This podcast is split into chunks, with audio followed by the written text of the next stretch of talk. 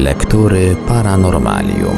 W Radiu Paranormalium kontynuujemy prezentację niezwykle interesującej książki pod tytułem My z kosmosu, autorstwa nieżyjącego już badacza i publicysty Arnolda Mostowicza. Większość sensacyjnych jak na lata 80. spraw do dziś nie znalazła satysfakcjonującego wyjaśnienia. Na antenie prezentujemy w odcinkach wydanie drugie tej książki z 1984 roku.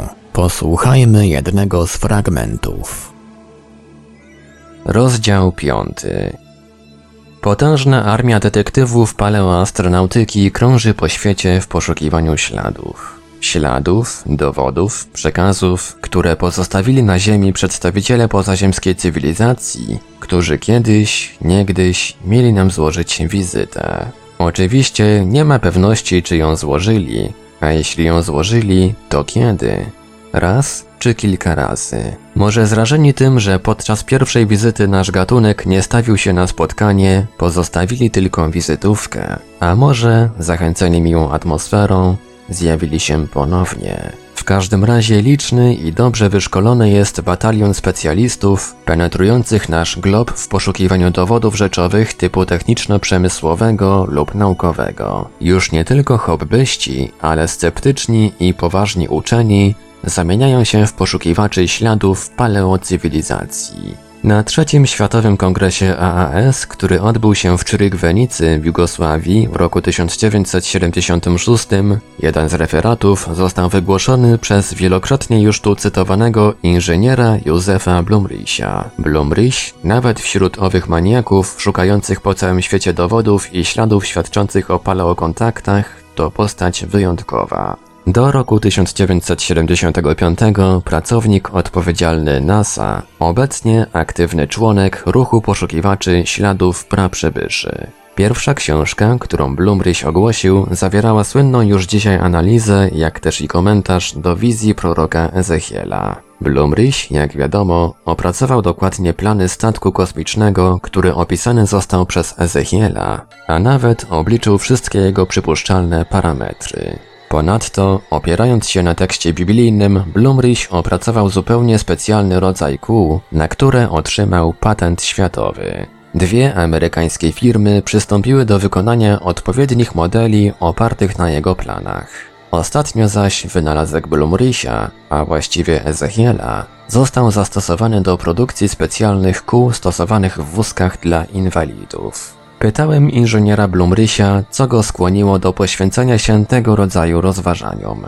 Blumryś w 1976 roku przeszedł na wcześniejszą emeryturę. Zrezygnował z pracy w NASA, by zająć się interesującą go tak bardzo tematyką paleoastronautyczną. Otóż otrzymałem odpowiedź, która jako żywo przypominała mi nawrócenie się doktora Heinka. Blumryś zajął się wizją Ezechiela początkowo tylko w tym celu, by udowodnić, że interpretujący tę wizję jako obraz lądującego statku kosmicznego po prostu nie mają racji. I okazało się, twierdzi Blumryś, że to on nie miał racji. Od tego się zaczęło.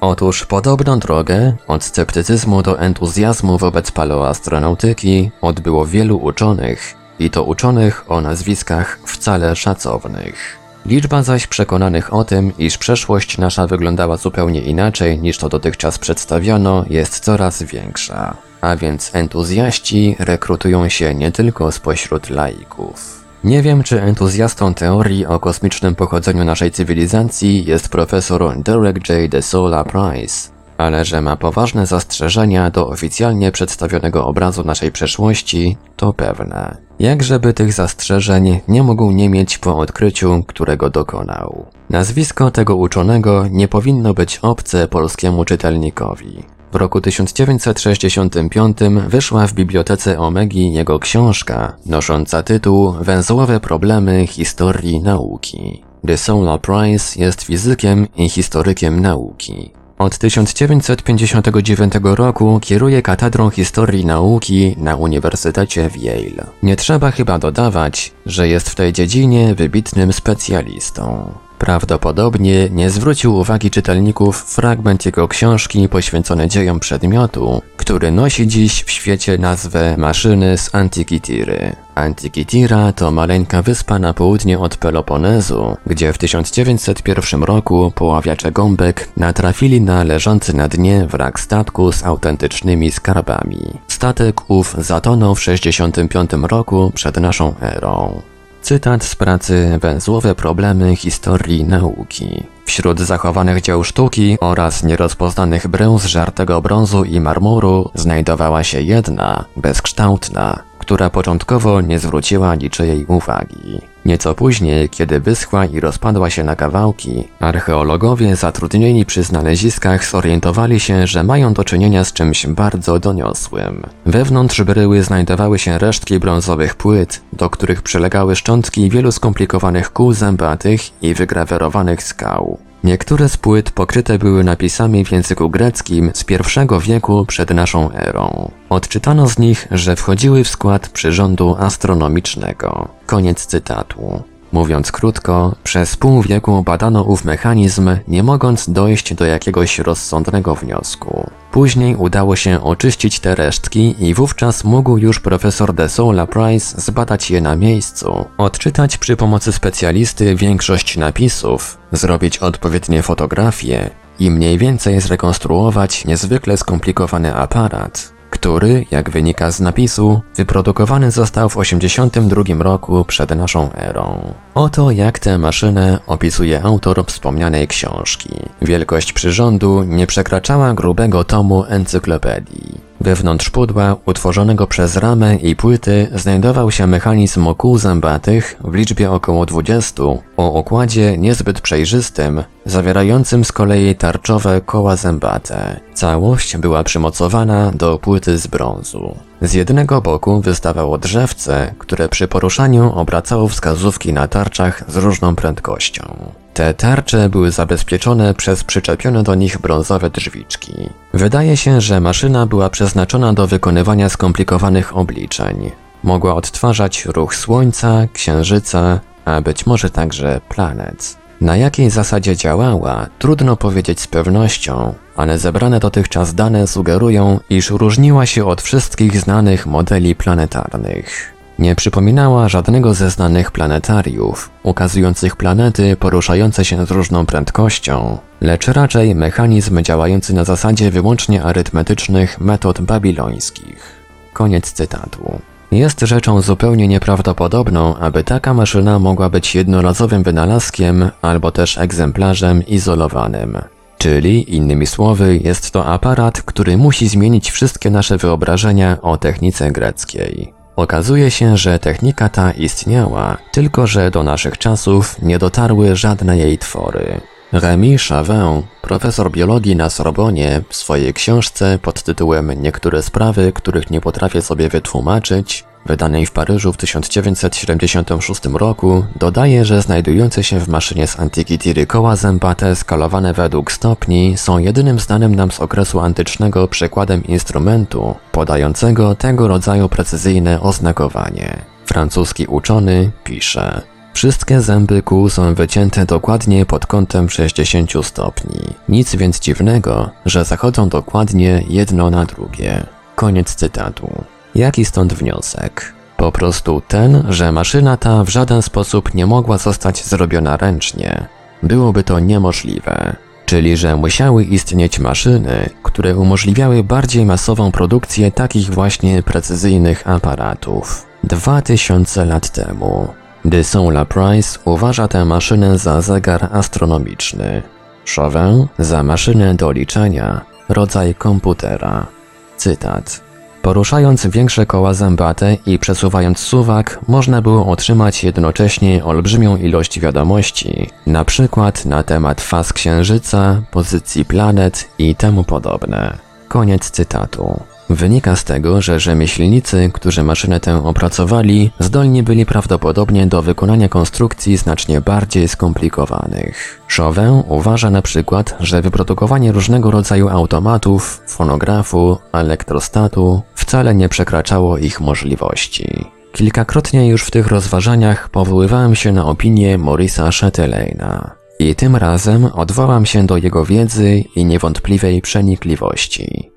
Aparatowi znalezionemu w Morzu Egejskim, nazywa go kalkulatorem z Rodos, poświęcił on w swojej książce Nasi przodkowie z kosmosu cały rozdział. Bardzo chciałbym przytoczyć tu wszystkie argumenty autora, ale niestety muszę trzymać się ograniczonych ram niniejszej książki. Ostatnie przynajmniej wnioski Chatelaina postaram się streścić. Uważa on, że instrument wyłowiony z Morza Egejskiego to zarazem kalendarz i kalkulator astronomiczny.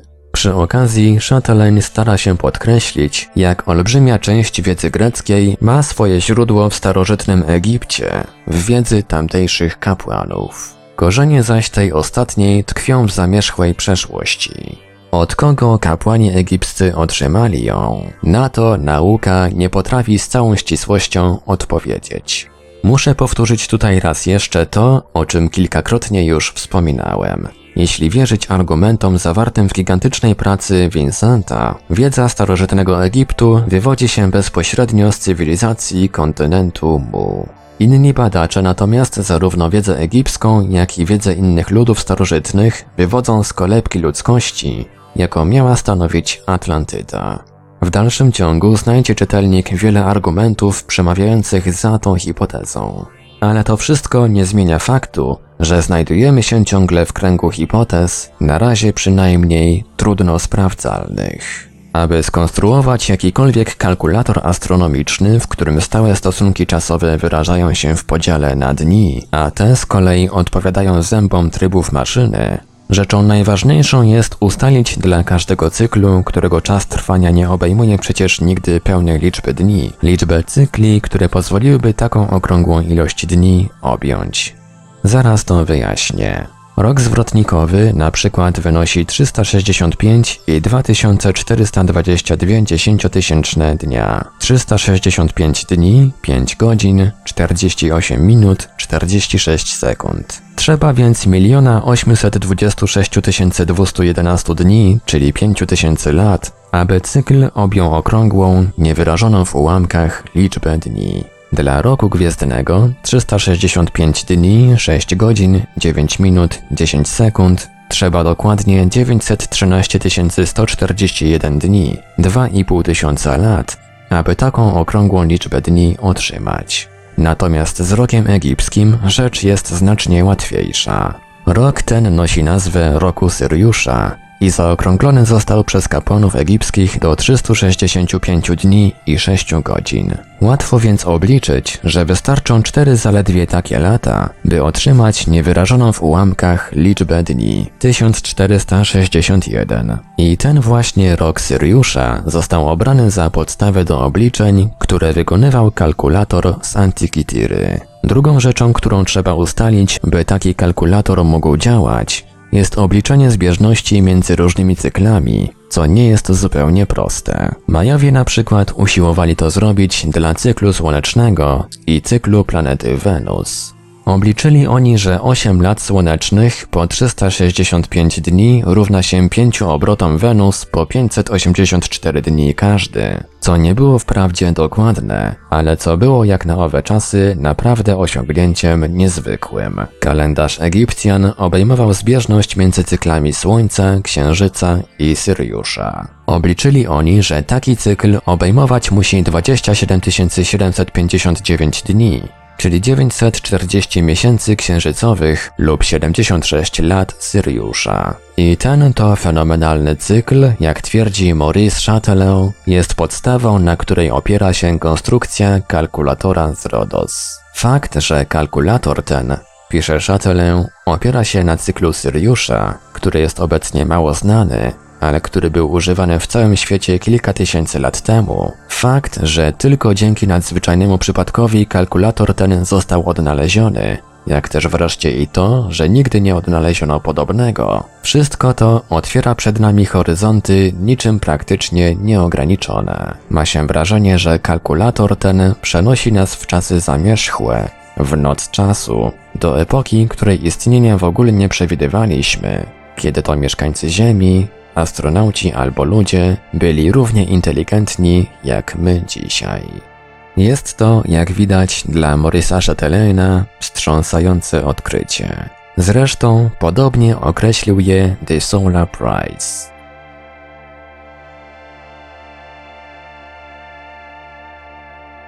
Niemniej wstrząsające jest wszystko to, co wiemy dzisiaj o Stonehenge. Tym bardziej, że i tutaj nie laicy i nie hobbyści określili miarę tego odkrycia. Mają bowiem w nim udział tak wybitni astronomowie jak Hawkins, Amerykanin i Sam Hoyle, Anglik. Stonehenge, balet gigantów, to budowla kamienna wzniesiona między Walią a Cornwallią w Anglii. Stanowi ona najbardziej zdumiewający z pomników megalitycznych. Poważniejsze badania i poszukiwania rozpoczęto tu w 1801 roku. Od tego czasu dziesiątki badaczy połamało sobie zęby, usiłując rozwikłać zagadkę zaklętą w tych kamieniach. Nie bardzo im się to udało. Dokładnie zrekonstruowany przez archeologów plan ukazuje ścisłe reguły, jakim podlegała budowa tego megalitycznego pomnika. Trzeba zorientować się w tym planie, inaczej wszelka interpretacja zagadki Stonehenge pozostanie niezrozumiała. Najbardziej zewnętrznym kręgiem budowli jest rów. Średnica tego okręgu wynosi 115 metrów. Rów ma dwie skarpy, wewnętrzną i zewnętrzną. W jednym miejscu rów urywa się, tworząc przejście wiodące do środka. Wewnątrz tego pierwszego kręgu znajduje się drugi obwód, utworzony przez 56 otworów w ziemi, zwanych jamami Obreya. Wewnątrz tego drugiego kręgu, prostopadle do wejścia, znajduje się prostokąt wyznaczony przez cztery głazy, z których pozostały dzisiaj dwa. W tym drugim kręgu jest inny krąg o średnicy 31 metrów, utworzony przez 30 25-tonowych kamieni połączonych ze sobą jak gdyby dachem w postaci płaskich głazów. Tworzy to zamknięte koło dolmenów. Wewnątrz tego kamiennego kręgu mamy jeszcze jeden krąg złożony z 59 mniejszych kamieni oraz w kształcie podkowy otwartej w stronę wejścia 10 potężnych bloków ważących 50 ton każdy, tworzących grupę pięciu dolmenów. Mamy tu ponadto jeszcze jedną podkowę utworzoną z 19 kamieni oraz trzy menhiry. Jeden w środku budowli, jeden u wejścia i jeden z zewnątrz rowu, pośrodku drogi wiodącej do środka Kromlechu. I wreszcie mamy nie bardzo dziś widoczne dwa kręgi otworów między jamami Obreya a kręgiem kamieni tworzących dolmeny. Jeden liczący 29, drugi 30 otworów. Jak więc widać, skomplikowana to budowla. Czy rzeczywiście było to jedynie miejsce kultu religijnego, kultu słońca, jak twierdzi większość książek, w których mowa o Stonehenge? Prawdopodobnie wersja ta byłaby do dziś jedyną uznaną, gdyby nie profesorowie Hawkins i Hoyle.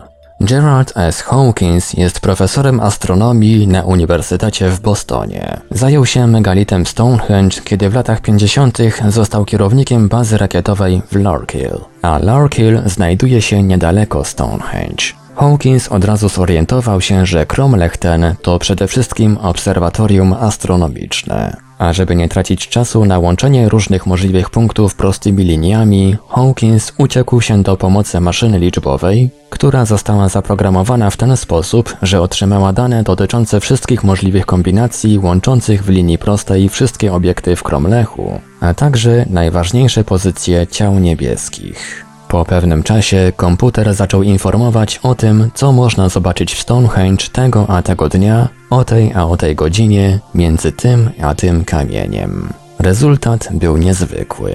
Okazało się, że Cromlech pozwalał śledzić i oznaczać wszystkie możliwe pozycje Słońca i Księżyca oraz przewidywać ich zaćmienia. Wykresy, które sporządził Hawkins, nie pozostawiają w tym względzie żadnej wątpliwości. Ale oprócz kamieni były jeszcze otwory wydrążone w ziemi. Do czego one miały służyć? I na to pytanie znalazła się wkrótce odpowiedź. Okazało się, że budowniczych Stonehenge najbardziej interesowały zaćmienia Słońca i Księżyca. Współczesnych astronomów interesuje nie tyle rytm tych zjawisk, ile ich, powiedzmy, fizjologia. Otóż obserwując Stonehenge, Hawkins przypomniał sobie o roku metonicznym, albo po prostu o cyklu Metona. Meton, żyjący w V wieku przed naszą erą, wprowadził do rachuby czasu cykl 19-letni.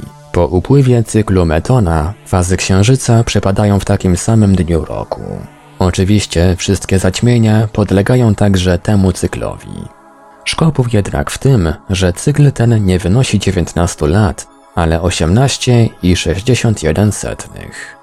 Ta niedokładność musi być co pewien czas skorygowana. Przez stworzenie cyklu większego, wynoszącego pewną liczbę cykli po 19 lat i po 18 lat. Najbardziej idealnym takim większym cyklem jest stworzony przez dwa cykle 19-letnie i jeden 18-letni.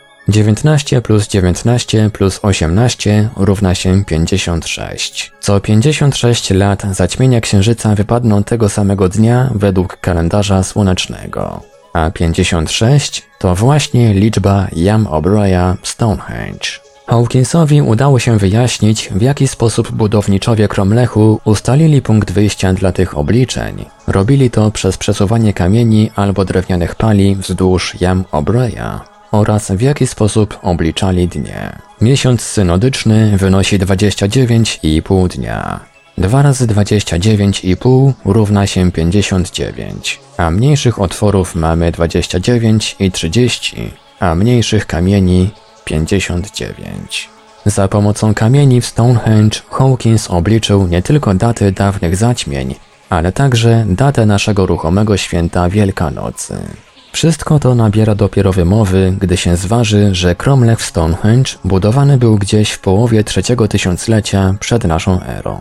Czyli ten niezwykły obiekt, będący zarówno obserwatorium, jak i kalendarzem, liczy sobie około 4600 lat. Kto w tym okresie posiadał taką wiedzę astronomiczną? Kto w tych czasach miał do swojej dyspozycji środki techniczne pozwalające na wzniesienie podobnie skomplikowanej budowli? Thanks.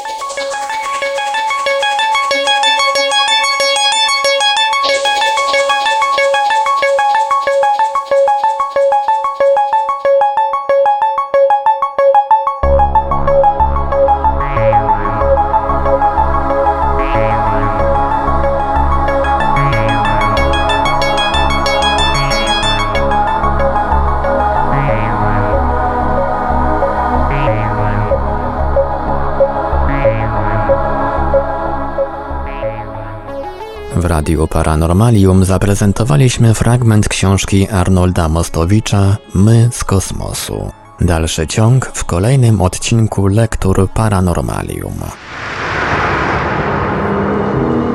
Archiwalne odcinki Lektur Paranormalium znajdziesz do pobrania w archiwum naszego radia na stronie www.paranormalium.pl.